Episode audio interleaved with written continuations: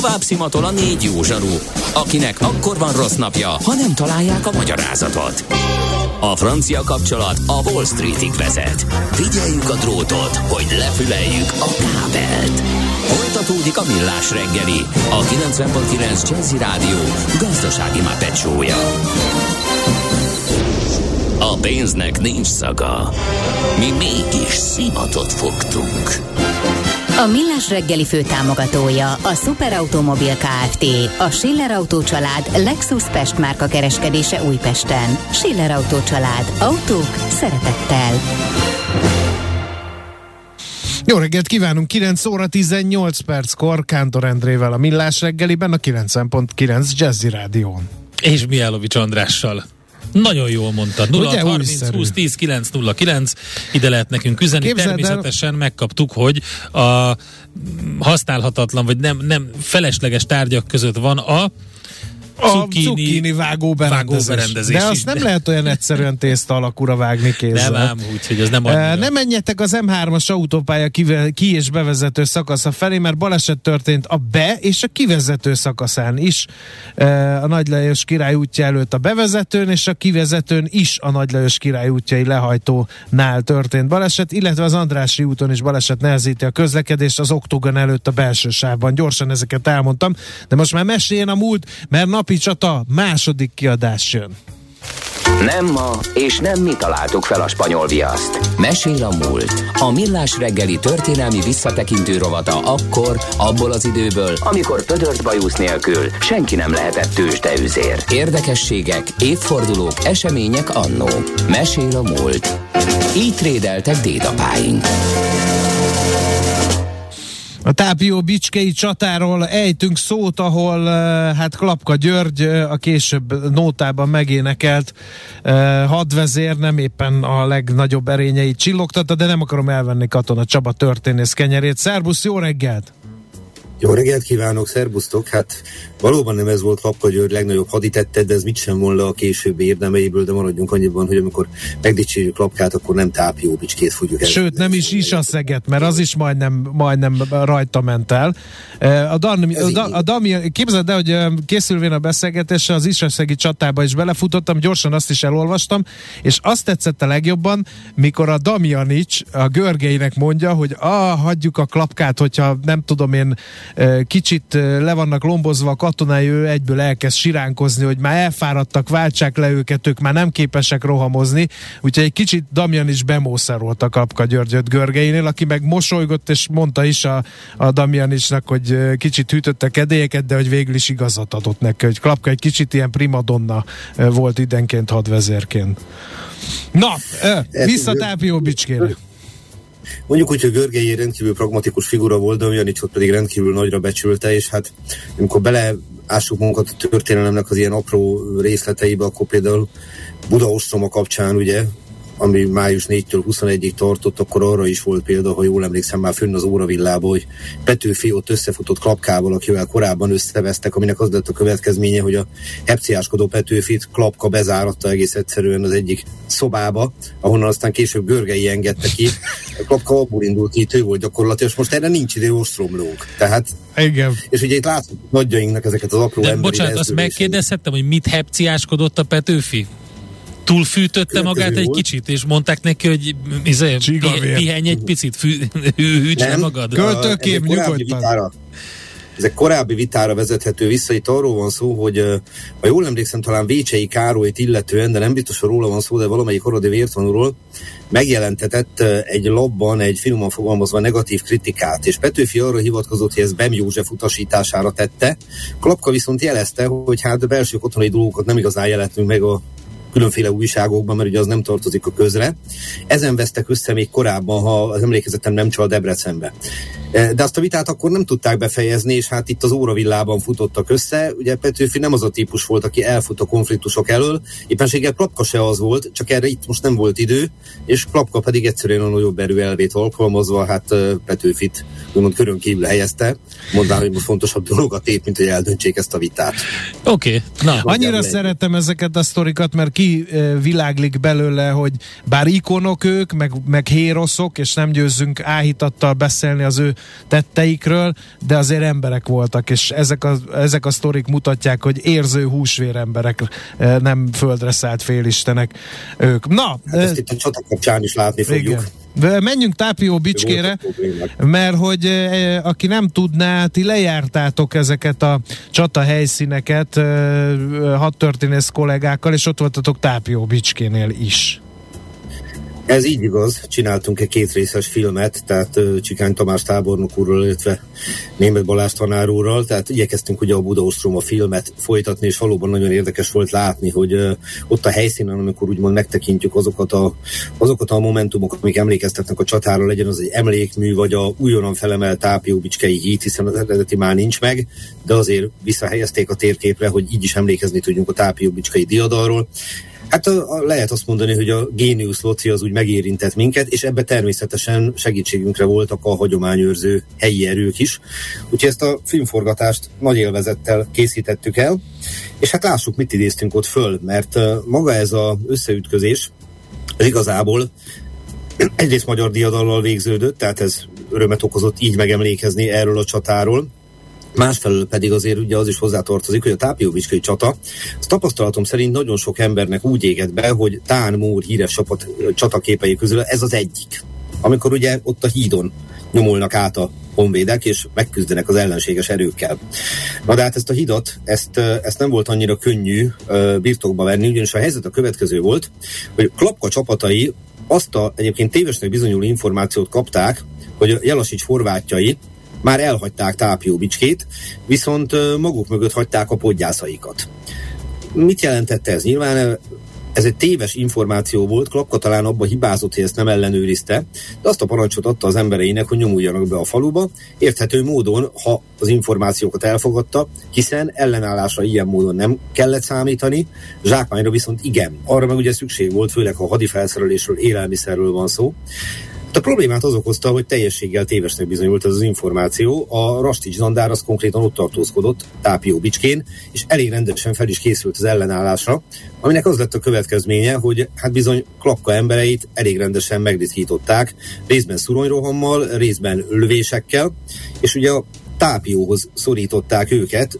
Zahora Dániel, a Tápióbicskei plébános a História Dómuszában nagyon szépen fogalmazta meg azt a tragikus eseményt, mely szerint számtalan sokan meghaltak szerencsétlen halállal, és a magyar honvédek, neki része a mocsárba veszett, ugye in numerosi misera morta perierunt így fogalmazott. Ugye az ágyukat is megpróbálták a mieink visszavonultatni, az is volt, ami elsüllyedt. Úgyhogy magyarán fogalmazva a Tápióbicskei csata elején katasztrofális helyzet alakult ki, mert a mieinket meglepte az ellenség váratlan támadása. És ez volt Klapka katonai hibája, hogy nem ellenőriztek előképpen a hírt, nem küldött előre úgymond felderítőket, akik lehet, hogy természetesen megerősítették volna a hamis információt, ha ügyesen leplezi magát, de erre nem került sor. Ilyen módon egyszerűen fogalmazva belefutottunk a késbe, illetve szó szerint a szuronyba. És ez az a pont, amikor előkerül a magyar hadtörténelem, és egyben a magyar irodalomnak egy legendás története. Itt gondoljunk Jókai Mórra és a kőszívű ember fiaira, és ugye arra, amikor Baradlai Rihárd megvív Palvic Ottóval, szerintem ezt mindenki fel tudja idézni, vagy a filmből, vagy olvasmány élményéből, ugye? Hogy ez hogyan és miként esett meg ez a dolog. És a helyzet a következő, hogy ennek meg volt a valós, és szerintem ez is viszonylag ismert történet, de lehetetlen nem felidézni, a valós mintaképe, nevezetesen a, amikor vonulnak vissza a mieink, fejvesztve meg lehetősen, akkor Sebő Olajos őrnagy kartpárbajt vív Hermann Ridézel ezredessel, a császáriak egyik retteget hírű vívó bajnokával, idézem, egy herkulesi termetű tagba szakadt erős alak, a hadsereg leghíresebb partforgatója, retteget párbajhős. Igen, még az pedig azért ők úgy találkoztak emlékeim szerint, mert hogy ugye, hogy vonultak vissza a honvéd gyalogosok, előre küldtek huszár századokat, hogy fedezzék a visszavonulásokat. A lovasság az ellenféltől meg azért tört előre, mert ilyenkor ugye bevett gyakorlat volt a hadviselésben, hogy a futó gyalogságot lovassággal kell üldözni, és így találkozottak a huszárok meg a vértesek. Pontosan, és ugye Ridézel ugye igyekezett végrehajtani ezt a parancsot, teljesen érthető módon. Egyébként a fennmaradt pletkák szerint állítólag nem voltak jóban, tehát volt egy korábbi személyes ellentétük, már mint Sebőnek vagy Ridézelnek. Ezt elég nehéz ellenőrizni. Ami biztos, hogy a két kiváló vívó az háromszor csapott össze, és a egésznek az lett a vége, hogy a harmadik összecsapásnál Sebbő kapott egy hatalmas vágást a kezére, ő viszont gyakorlatilag ketté vágta idézel fejét. Ami önmagában természetesen nem volt elég ahhoz, hogy megállítsa az ellenség előre nyomulását, de azért mégiscsak némi nemű reményt adott ugye a mieinknek, látván ezt a nagy diadat, meg hát Ridézel közismert volt arról, hogy nagyszerű vívó, úgyhogy a ő legyőzése az mégiscsak egyfajta pozitív visszacsatolást hozott a csatában. De ahhoz, hogy ezt a csatát meg lehessen fordítani, kevés lett volna sebő egyéni hőstette. Ugye egy csata, egy ütközet nem egyéni hőstettek révén dől el, vagy legalábbis a legritkább esetben egyéni hőstettek révén dől el. Na de hát megérkezett az erősítés, és hát ilyen kiváló emberek érkeznek meg az erősítés élem, mint a már emlegetett Domjanics János, mint a már szintén emlegetett Görgei Artur, mint Leiningen Westerburg Károly, de ott van egyebek mellett Dezsőfi Arisztid, ott van Bátori Schulz Bódog, tehát a magyar hadtörténet egészen kiemelkedő figurái, egy egész sora, ha mondhatjuk így.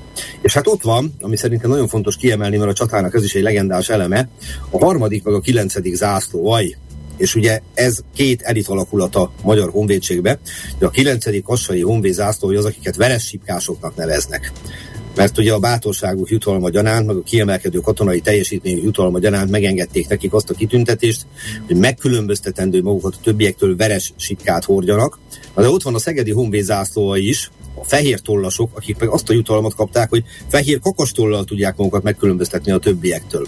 Tehát a kilencedik kassai, meg a harmadik Szegedi is itt van, és ezek ketten tisztelettel viseltetnek egymás iránt, de másfelől vetélytársak is, nagyon-nagyon erős vetélytársak. És tulajdonképpen abból, hogy ezt a hidat visszafoglalják, ebből igyekeznek presztízs kérdést is csinálni. Tehát majdnem, hogy összeszólalkoznak a csata kellős közepén, illetve hát össze is szólalkoznak, hogy ki legyen az, aki a diadal lesz. Azért modellezzük ezt a helyzetet, ugye, amikor a Beszéltünk arról, hogy a, a hőseink is emberek voltak, hibákkal, erényekkel, minden együtt, hát itt láthatjuk ezt. Ez az erős rivalizálás, most majdnem egy csúnya szót használtam, az hova tud vezetni. E, és ez bizonyos értelemben káoszt jelent, ugye?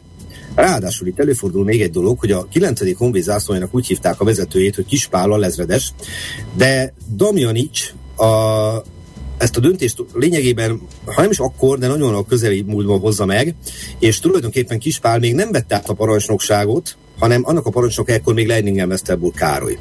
És Kispál azt kéri Leiningentől, hogy hadd vezesse ő a katonákat, akik ugyan papíron még nem az ő katonái, de, de hát mégiscsak hadvezesse. És erre Leiningen által azt válaszolta, hogy hát a vitát döntsék el az ellenség golyózáporába, tehát hogy végezzék el ezt a dolgot együtt. És itt kanyarodjunk vissza megint Jókai Mórhoz, emlékezzünk Barodla Jődön és Rihár forradalmi párbajára, amit ugye Budaostrománál jelenítettnek, ha az emlékezetem nem csal. Igen. Ez a baráti párbaj, ugye, hogy ki ér föl előbb.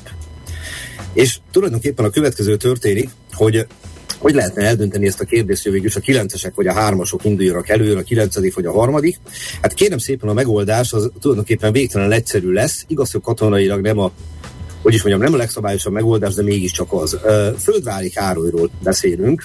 Földvári Károlyról, egy kiváló katonáról, aki történetesen itt van a ebben a csatatéren, és a harmadik honvédzászlójának a parancsnoka. Ugye a kilencedik parancsnoksága körül, hogy kivezesse őket, folyik a vita, tusakodik egymással a 30 a harmadik, a 9. zászló, Földvári viszont egy spártai egyszerűségű megoldáshoz folyamodik, lakonikus egyszerűséggel fogja magát, ő a harmadik zászló a parancsnoka, kiragadja a 9. zászló lobogóját a 9 a zászlótartójának a kezéből, és rohamot vezényel. Na akkor az egyik zászlója elindul a parancsnoka után, a másik elindul a zászlója után, és ketten együtt szépen lesöpik a hidat, ahogy az kell. Úgyhogy ez egy És ezt, ezt a pillanatot ábrázolja egyébként a, a Tammor festménye is, ahogy, ahogy átrohamolmoznak. Így van. Igen. Hozzátéve, hogy a visszaemlékezések szerint az is lehetséges, hogy egy bizonyos Szikszai Lajos nevű harmadik zászlóajbeli hadnagy végezte el ezt a munkát, Ugye nagyon nehéz egy csatát egészen pontosan rekonstruálni, de azért valószínűleg itt tényleg földvárié volt az érdem. Ez egy más kérdés, hogy ennek is voltak olyan utólagos visszacsapatolásai, hogy ad egy. Utólag a parancsnokok utasították őket, hogy fogjanak kezet és barátkozzanak össze, ami meg is történt, hogy aztán ez mennyire szívből jött, ez egy más kérdés, mert hogy azzal folytatták aztán a, a kilencediknek a katonái, hogy azért az ászlótartójukat biztos, ami biztos állítsák haditörvényszék elé, mert csak holtában engedhette volna el az ászlót. Az ellenérv az pedig úgy hangzott, hogy de hát földvári, az annyira nagyszerű katona, hogyha ő ragadja ki a kezéből az ászlót, ez mégiscsak egy megbocsájtható dolog, és hogy hát ez a utánom fiúk felkiáltás, ez végső soron működött. A kézászlóinak a, a, a, mondjuk úgy, hogy ez a férfias vetekedése, ez mit adott hozzá a csata legendájához, ezt most ne boncolgassuk tovább. Ami viszont biztosnak mondható, hogy végső soron totálisan elvesztett csatát azt sikerült megnyerni.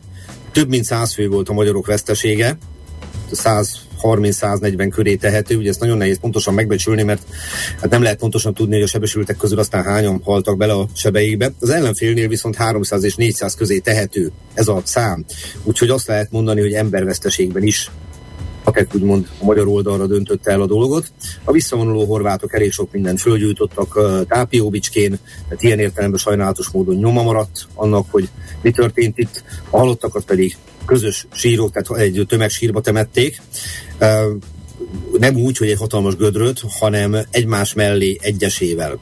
Ridézelt Bicskei Viktor temettette el egy ottani úriember, és végsősoron a mai napig pedig azt lehet mondani, hogy lehet tisztelegni az elesett katonák előtt, mindkét fél katonái előtt. 1882-ben Fehér István községi bíró és a felesége, mondjuk ki az ő nevét, és Csikós Terézia közös sírba tették és kőkeresztet helyeztek el fölöttük. Idézem a kőkereszt feliratát.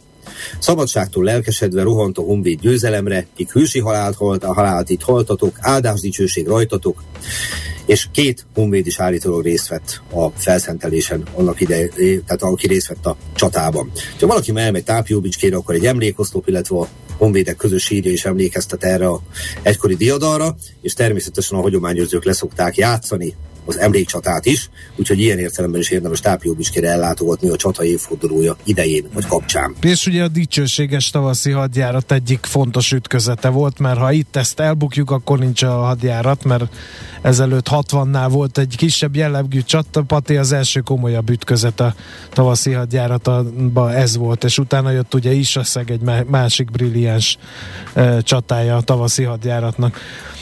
Így van, és így jutunk el aztán ugye április 28-ig, amikor Komáromban a haditanács úgy dönt, hogy támadjuk meg Budavárát, és vegyük vissza Görgei minden ellenkezés ellen. Itt megint fontosnak tartom hangoztatni, hogy ugye a mai napig néha szóba jön, hogy Görgei Artur áruló volt, sőt ugye van olyan nézet, Kéri Edith, Isten nyugosztalja pár évvel ezelőtt halt meg rendkívül idősen színésznő, aki két kötetet szentelt annak, hogy Görgei Artur nem áruló volt, hanem beépített ügynök szuperkém, mert az igazi Görgei nyolc évesen meghalt, a helyébe csempésztek a Habsburgok egy kakukfiókát. Hogy erről a család miért nem szól ez, semmit ez, Hú, ez nem is tudom, ez milyen Schmidt Mária díjas. Mutatom. Szóval, hogy szuper. Ott van pont mögötted? Na, tessék. Dedikált példány. Ez mikor? Példány. Lehet, ez kérlek szépen 98-ban jelent meg. Kéri Edith ki volt Görgei kutatások meglepetéssel Katona Csabának szeretettel. Aha. Ezt a szeretetet később sikerült oldanom. minek utána egyet nem értésemet fejeztem ki többszörösen. Ugye, ez a kötet egyébek mellett arról szól, hogy ezek az ördögi hazúrok valamiért előre tudták, hogy hogy hát ki fog törni. Később forradalom és szabadságharc lesz. Azt is, tudták, kik lesznek a, azt is tudták ezek szerint, kik lesznek a vezetők, és akkor Abszolút. gyorsan kicserélték. Kosutot nem sikerült. Görgei zseni volt. Igen. Átvágott mindenkit, visszavonult a katonaságtól, elment egyésznek, vagy innen tér vissza, és egy picit talán túljátsza a szerepét, mert el lehet mondani, hogy a magyar történelem egyik legnagyobb hadvezére. A B verzió, hogy ez az egész egy hülyeség.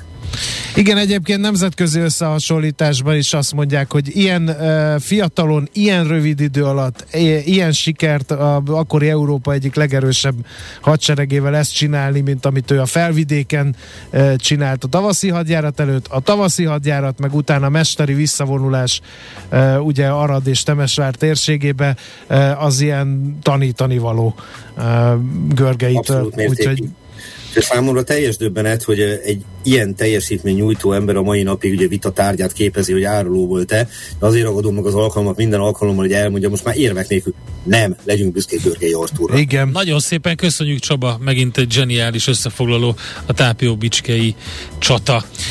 Úgyhogy a tápióságban egyébként is érdekes kalandozni, úgyhogy tessék arra is mászkálni, akár a hétvégén.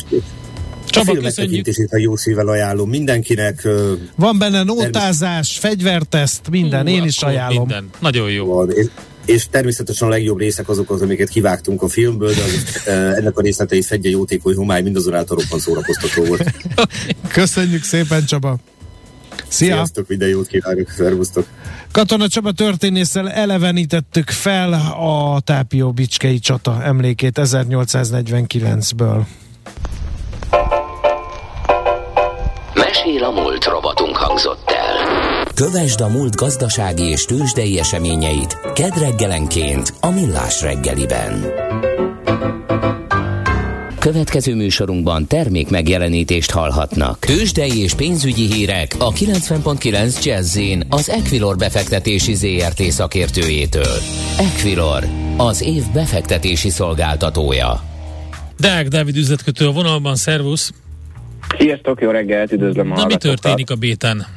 Pici csorgást látunk lefele a budapesti értéktősdén, 6,1%-os mínuszban a Bux Index, 45.116 ponton, egész szép forgalommal, 2,4 milliárd forintot hmm. közelíti, és egy gyakorlatilag igazából az OTP esése tolja maga előtt lefele a Bux Indexet, 1,2%-os mínuszban a bankpapírunk, 12.170 forinton kereskedik, tehát a 2,4 milliárd forintból 2,1 milliárd forintot adott ki az OTP, úgyhogy mondhatni, hogy, hogy csak vele kereskedtek itt. Igazából ma reggel érdekesség, hogy a tegnap nagyon jól teljesítő papírjainkból három ma elég mondhatni azt, hogy nagyobb korrekcióval kezdi a napot. Az Opus 3% fölötti mínuszban 234,5 forinton, 2,5%-ot esik a Forágyi is 826 forinton, még 2%-os korrekcióban az Appelin részvénye is 236 forinton áll ebben a pillanatban. Nagyjából ezek az érdekességek így a Budapesti. Mi a helyzet a forinttal a választásokra? Hogy reagált tegnap a forint? És hogy milyen bőrben van ma? Hát nagyon enyhe gyengüléssel reagált a forint, és igazából ma sem látunk óriási visszaerősödést benne. Egy euróért jelenleg 369 forint 80 fillért még egy dollárért 336 forint 60 fillért kell fizetni a bankközi devizapiacon. Nem vagyok teljesen biztos benne, hogy ez feltétlenül a választásra való reakció. Egyrészt nagyon enyhe volt a reakció, másrészt van egy ilyen régiós tendencia is, most egy picit talán korrigáltak a régiós devizák, köszönhetően annak is, hogy a dollár uh, amúgy tudott erősödni a főbb uh, devizákkal szemben, az euró-dollár is egy tíz alatt van, már egy 0,986 míg az, a, a, az európai devizák közül az angol font is egy nagyobb erőben volt tegnap is, illetve ezt a mai kereskedésbe is folytatja. Euróval szemben 0,8367 és dollárral szemben 1,30 most a font árfolyama. Oké, okay. okay, köszönjük szépen, jó kereskedést már. Szia! Sziasztok. Deák Dávid üzletkötővel beszélgettünk. Tőzsdei és pénzügyi híreket hallottak a 90.9 jazz az Equilor befektetési ZRT szakértőjétől. Equilor, az év befektetési szolgáltatója. A kultúra, befektetés önmagunkba, a hozam előrevívő gondolatok. Könyv, film, színház, kiállítás, műtárgy, zene. Ha a bankszámlád mellett a lelked és szürke állományod is építeni szeretnéd. Kultmogul. A millás reggeli műfajokon és zsánereken átívelő kulturális hozamgeneráló rovata következik. Na nézzük, hogy hogy állnak a magyar zenészek, mert hogy a pandémia okozta drasztikus visszaesés, ugye 2021-ben éreztette igazán a hatását az Artisius által kifizetett jogdíjakban. Hát dr. Tóth Péter Benjamin, az Artisius üzleti transformációs igazgatója van itt a vonalban, szervusz, jó reggelt kívánunk! Sziasztok, jó reggelt! Túl vagyunk a nehezén, vagy itt még jön sok minden? Hát bízunk benne, hogy túl vagyunk a nehezén. Ugye egy zenész az fellépőként előadó is, és közben dalszerző is.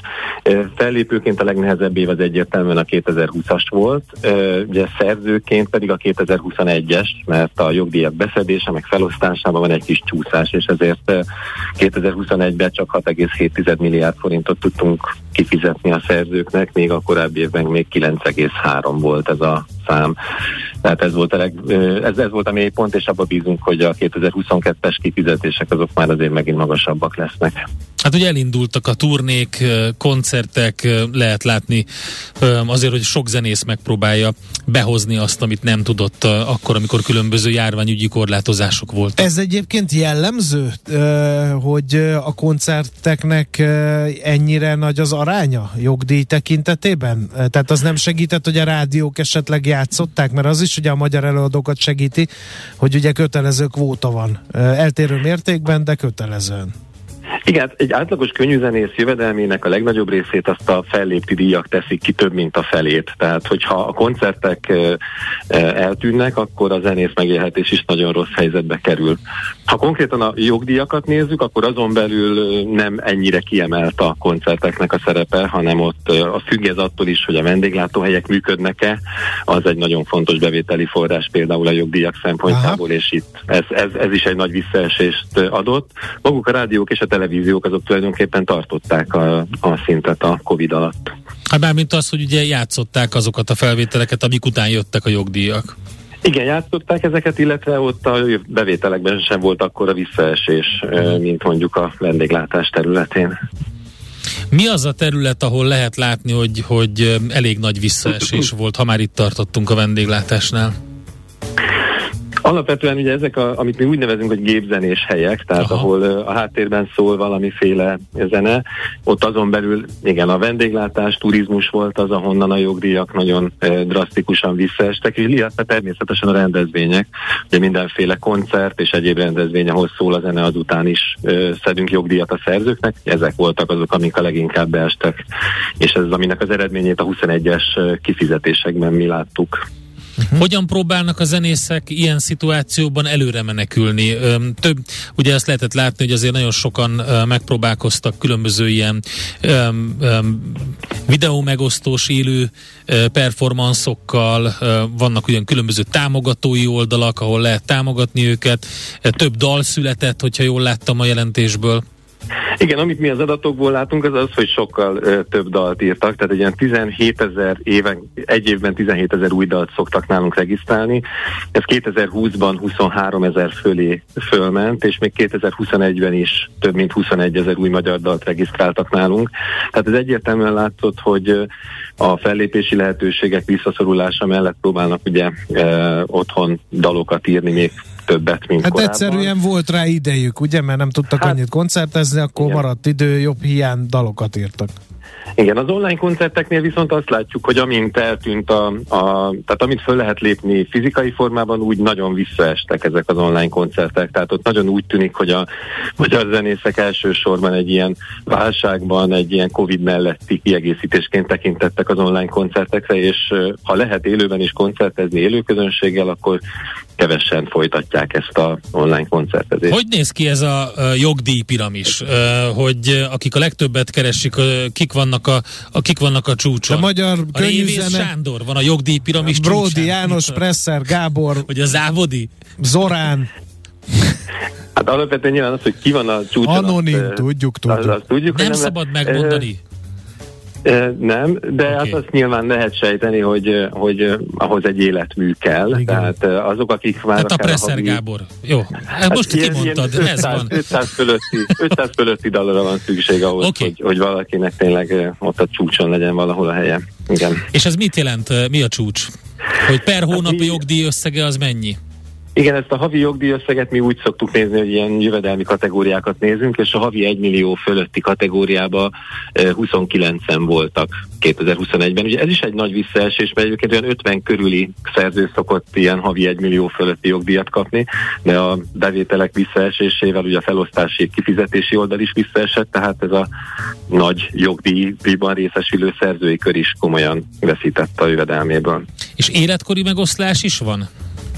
Figyeljük az életkort is, az nyilván nem, olyan nagyon nem meglepő, hogy minél magasabban vagyunk a jogdíj piramisban, annál inkább azért magas az átlag életkor, tehát egy a legfőső kategóriában ez az egy millió fölötti havi fizetésnél ott 52 év az átlag életkor, de azért van ott is olyan, aki 30 éves, tehát egyébként a fiatalok is azért természetesen magasra tudnak kerülni, és ha sok játszottsága van a dalaiknak.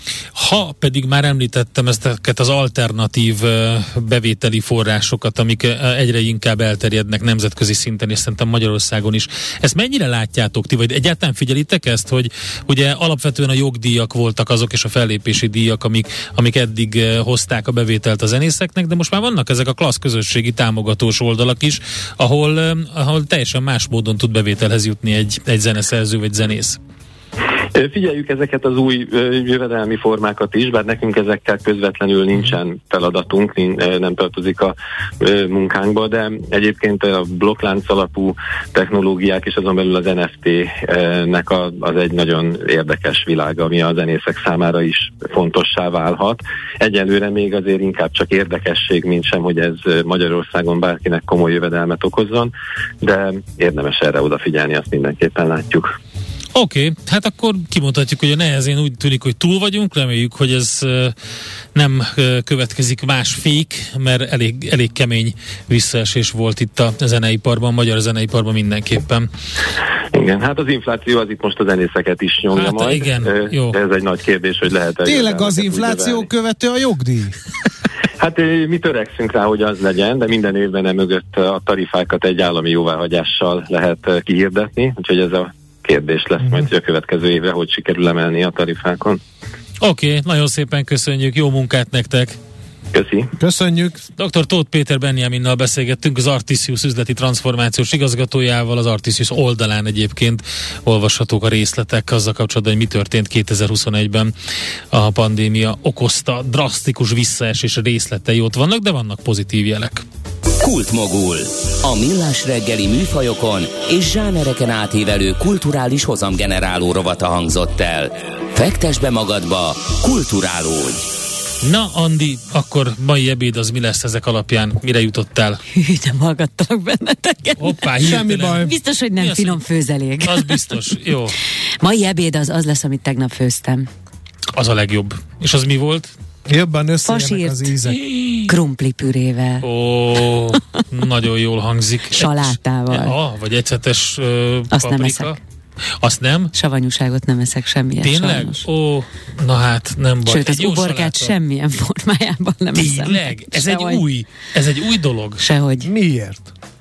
Utálom. Egy jó gurken? Kevés dolgot utálok, az uborkát nem lehet, az családom már tudja, nem tehetik mellém az asztalon, mert nem bírom a szagát sem. az uborkának van szaga. Hát a savanyúnak igen. Ja, a, a tejfölös sőt, uborkát, sőt, a tej, hát az uborka salátának, annak van csak igazán szaga. Szaga. Az, az a hűtőbe se kerülhet. Illata van, finom illata van, kérem szépen. És mit csinálsz akkor, amikor egy ilyen wellness hotelbe eljutsz, és rá szeretnék helyezni az uborkát a szemfedeledre? Hát oda nem, nem. helyeznek semmilyen nem, uborkát. Értem, tehát akkor az nem működik, tehát akkor nem. inkább kiviszelettel lehet ez. Jó, okay. Az meg cheap. Na tessék, No, azt szeretném még szépen. mondani az egybegyűlteknek, hogy van olyan ember rajtam kívül ebben az univerzumban, aki bármilyen tésztából eh, hajlandó elfogyasztani a darás, avagy grízes hát, tésztát, figyelj, illetőleg a mákos tésztát is, András, akár szélnemetőből, akár... Papucshoz zoknit vesz fel, meg szandához, de ez nem jelenti azt, hogy ez jó dolog. Nekem elég, Figyelj, mert így nem vagyok benne, hogy az én gyerekem is bármilyen tésztával megenni a grízes tésztát, vagy a mákos Na. tésztát. Én meg egyikkel sem. Lakodalmas tésztával is megennéd. Ugye? A lakodalmas tésztát nem érzem. Halászlé tésztával. Egyébként, mindent lehet. Egy, egyébként nekem az most van is mindenre. lefagyasztva a mélyhűtőben, Na, mert múltkor főztem egyszer halászlevet. Azzal egy ilyen jó mocskos tésztát is lehet bármit, lekvárosan, tojásosan, kíván. Én is szoktam egyébként, az kiváló Sajtos, tojásos. András, légy szíves, akkor mondd el, akkor mivel főzöd a grízes tésztát ma ebédre? Nem főzök ma ebédre grízes tésztát, azt egy meg ilyen kell trikolóre, egy ilyen penne, penne trikolóre, azzal jó lenne. Nem, van, igen, nem, igen. nyokkival. De lehetőleg valamivel töltve legyen. Légy szíves, akkor gyümölcsízzel tálad. Egyébként felhívnám a magyar hűtő... a, a, tetejére, a, felhívnám a, a magyar hűtőipar figyelmét, hogy elhagyták a fogyasztót, nagyon előre íramodtak, ugyanis már, év, már hónapok óta küzdök azért, hogy sima nudli. Érted? Nudli. Az nincs. Nudli. Nem töltve mákrémmel, Nincs, meg nem, magyarókréppel, nem, nincs. Tudom. Nincs, sima Tudom, nudli. mert mi is Miért? mindig vettünk. Miért? Én értem az innovációt, biztos valaki kezdte. Nudli van, De András, ne hagyjuk egy már nagy el. nudli. Ne hagyjuk már Mivel el eszed a, régi nudlit? grízzel. Mákkal. Na, mi meg tudod, mivel eszük a, ezt a sima nudlit? Pörkölt szaftal. Nem, paradicsom szószal. Az nyoki, ungari segít. Ne, nem olyan, pa- édes paradicsom szószal. Na tessék. Tök édes. És ez nálunk a Látod? suf Édes paradicsom szó. Az is ilyen Sváb. lakodal. Ez Sok valami sokác? Nem, ez sváb. Van, egyébként tényleg szokták azt. De Tudod, kicsit félig oda kell pirítani, máshogy nem finom. Ö, Oda pirítani, és ilyen, ö, milyennek a neve ez a, miben hempergeted meg, mint a gombócot? Cukorban. Nem, cukorban. Rézliben. Brézliben. Hát igen, abban. Az, az jó. és akkor úgy hozzá. Egyszer próbáljátok meg édes paradicsom Nem. szószal. Nagyon finom. A cukros zsíros kenyérnél lemaradtam. Na, az, gyere, az gyerekkoromban nekem. Az a baj, tudod azt, hogy a műsornak, mert beleszaladtunk. Ez sokkal jobb, mint a hírek, ezt most mondom nektek. Várjál, a cukros zsíros kenyér az nálunk úgy ment, hogy a nagymamám alátette a csap alá a kenyeret, Vi- bevizezte, és jó megszórta cukorra. Az, Fú, de utáltam. Ugye, ugye? Utáltad? Ó, nagyon. András, e, még utoljára, most már itt vagyunk, nem bírom ki, egyet megkérdezek. A finom menzán, főzelék a menzán, amikor volt uh, túros. Igen. tészta, akkor ugye te raktál mind a nem uh, következik más fék, mert elég, elég kemény visszaesés volt itt a zeneiparban, a magyar zeneiparban mindenképpen. Igen, hát az infláció az itt most a zenészeket is nyomja Hát, majd. igen, jó. Ez egy nagy kérdés, hogy lehet Tényleg az infláció követő a jogdíj? Hát mi törekszünk rá, hogy az legyen, de minden évben emögött a tarifákat egy állami jóváhagyással lehet kihirdetni, úgyhogy ez a kérdés lesz Mhm. majd, hogy a következő évre hogy sikerül emelni a tarifákon. Oké, okay, nagyon szépen köszönjük, jó munkát nektek! Köszi. Köszönjük. Dr. Tóth Péter Benjaminnal beszélgettünk, az Artisius üzleti transformációs igazgatójával, az Artisius oldalán egyébként olvashatók a részletek azzal kapcsolatban, hogy mi történt 2021-ben a pandémia okozta drasztikus visszaesés részletei ott vannak, de vannak pozitív jelek. Kultmogul. A millás reggeli műfajokon és zsánereken átívelő kulturális hozamgeneráló rovata hangzott el. Fektes be magadba, kulturálódj! Na, Andi, akkor mai ebéd az mi lesz ezek alapján? Mire jutottál? Hű, nem hallgattalak benneteket. Hoppá, Semmi baj. Biztos, hogy nem az, finom főzelék. Az biztos. Jó. Mai ebéd az az lesz, amit tegnap főztem. Az a legjobb. És az mi volt? Jobban összejönnek az ízek. Krumpli pürével. Ó, nagyon jól hangzik. Salátával. Ah, vagy ecetes uh, Azt nem paprika. eszek. Azt nem? Savanyúságot nem eszek semmilyen Tényleg? sajnos. Ó, na hát, nem baj. Sőt, Egy az jó uborkát saláta. semmilyen formájában nem eszem. Tényleg? Ez egy Sehogy. új, ez egy új dolog. Sehogy. Miért? Utálom. Egy jó gurken. Ja, Kevés dolgot utálok, az uborkát nem lehet, az családom már tudja, nem tehetik mellém az asztalon, mert nem bírom a szagát sem. Az uborkának van szaga. Hát a savanyúnak igen. Ja, a A savanyú. tejfölös Sőt, uborkát. sőt, a s- te, hát az uborka- salátának, annak van csak igazán szaga. Szaga. Az a Az hűtőbe se kerülhet. Van, finom illata van, kérem szépen. És mit csinálsz akkor, amikor egy ilyen wellness hotelbe eljutsz, és rá szeretnék helyezni az uborkát a szemfedeledre? Hát oda nem, helyeznek semmilyen Nem, uborkát. értem, tehát akkor az nem működik, tehát akkor Nem. inkább kiviszelettel lehet ez. Jó, oké. Az meg cheap. Na tessék, No, azt szeretném még szépen. mondani az egybegyűlteknek, hogy van olyan ember rajtam kívül ebben az univerzumban, aki bármilyen tésztából eh, hajlandó elfogyasztani a darás, avagy grízes Hát figyelj, tésztát, persze, hogy illetőleg a mákos tésztát is, András, akár szélnemetőrből, akár... papucshoz zoknit vesz fel, meg szandához, de ez nem jelenti azt, hogy ez jó dolog. Nekem elég, Figyelj, mert így nem vagyok érzem benne, hogy az én egyedül. gyerekem is bármilyen tésztával megenni a grízes tésztát, vagy a mákos Na. tésztát. Én meg egyikkel sem. Lakodalmas tésztával is tésztát. Ugye A lakodalmas tésztát nem azzal érzem. jó lehet. Halászlé tésztával. Egyébként, ne- egy- egyébként nekem Az most van is mindenre. lefagyasztva a mélyhűtőben, Na, mert múltkor főztem egyszer halászlevet. Azzal egy ilyen jó mocskos tésztát is lehet, bármit, lekvárosan, tésztát tojásosan, kíván, én is szoktam egyébként, és az kiváló sajtos, tojásos. András, légy szíves, akkor mondd el akkor, mivel főzöd a grízes tésztát ma ebédre? Nem főzök ma ebédre grízes tésztát, azt Egy meg ilyen kell adni a trikolóre, egy ilyen penne, penne trikolóre, azzal jó lenne. Nem, amiben van, Spenótossal. igen, Nem, igen. nyokki van. De lehetőleg valamivel töltve És legyen. légy szíves, akkor gyümölcsízzel tálad. Egyébként felhívnám a magyar Azt hűtő... a megy- tetejére a felhívnám a, ma- magyar hűtőipar figyelmét, hogy elhagyták a fogyasztót, nagyon előre íramodtak, ugyanis már, év, már hónapok óta küzdök azért, hogy sima nudli. Érted? Nudli. Az nincs. Nudli. Nem töltve már krémmel, nem, meg nem, magyarókrépet, nincs. nincs. Tudom. Nincs sima Tudom, nudli. mert mi is Miért? mindig vettünk. Miért? Én értem az innovációt, biztos valaki kezdte. Nudli van, De András, ne hagyjuk egy már nagy el. nudli. Ne hagyjuk már Mivel el a eszed a, régi nudlit? Mákkal. Na, mi meg tudod, mivel eszük a, ezt a sima nudlit? Pörkölt szaftal. Nem, paradicsom szószal. Az nyoki, ungari segély. Ne, nem olyan, pa- édes paradicsom szószal. Na tessék. Tök édes. És ez nálunk a Látod? suf Édes paradicsom szó. Az is ilyen lakodalmas. Ez valami sokác? Nem, ez sváb. Van, egyébként tényleg szokták azt. Tudod, De kicsit oda kell pirítani, máshogy nem finom. Ö, Oda pirítani, és ilyen, ö, milyennek a neve ez a, miben hempergeted meg, mint a gombócot? Cukorban. Nem, cukorban. Rézliben. Brézliben, Hát igen, abban. Az, az jó. és akkor úgy hozzá. Egyszer próbáljátok meg édes paradicsom szószal. Nagyon finom. A cukros zsíros kenyérnél Na, lemaradtam. az gyere, ó, az gyerekkoromban nekem. Az a baj, De tudod véget kell hogy vetnünk a csinálták? műsornak, mert beleszaladtunk. Ez sokkal jobb, mint a hírek, ezt most mondom nektek. Várjál, a cukros zsíros kenyér az nálunk úgy ment, hogy a nagymamám alátette a csap alá a kenyeret, Vi- bevizezte, és jó megszórta cukorra. Az, Fú, de utáltam. Ugye, ugye? Utáltad? Ó, nagyon. András, e, még utoljára, most már itt vagyunk, nem bírom ki, egyet megkérdezek. A finom menzán, főzelék a menzán, amikor volt uh, túros Igen. Tészta, akkor ugye te raktál mind a kettőből rá. Mind a két kupacból. Ugye pö- pörcöt is, és porcukort Hát is. nézd rám. Az, az, az úgy a jó. A káposztás szvekedlit is kristálycukorral És borssal. És borssal. Azt hiszem, hogy itt a Bár a legjobb abba kenyeret hagyni. teszem lekvárral. Na, erre varjatok gombot. Holnap is lesz millás reggeli természetesen. Ennél lényegesen. Miért? Igen, Ki kinek mi? Hát a két savanyú Jóska, de mindegy. Én is jövök. Te akkor, Akkor- próbáld meg egy picit őket érinteni. Valami mosolyra próbáld már őket hangolni. Jó, majd Köszönjük a figyelmet. A Sziasztok. nagypapának hozzá A papucsot. beszélgetés tovább zajlik a stúdióban, de mi Igen. elbúcsúzunk. Sziasztok! Köszönjük, sziasztok!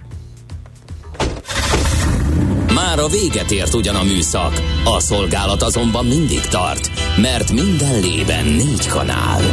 Holnap reggel újra megtöltjük a kávés bögréket, beleharapunk a fánkba és kinyitjuk az aktákat. Addig is, keressetek minket az arcaktákban, a közösségi oldalunkon. A mai adás podcastjét pedig holnapunkon. Millás reggeli, a 90.9 Jazzy Rádió gazdasági Muppet show-ja. Ha csak egy műsorra van időd idén, tégy róla, hogy ez legyen az. Csak egy dolog lenne még. A Millás reggeli főtámogatója a Superautomobil KFT, a Schiller Autó család Lexus Pest márka kereskedése Újpesten. Schiller Autó család. Autók szeretettel.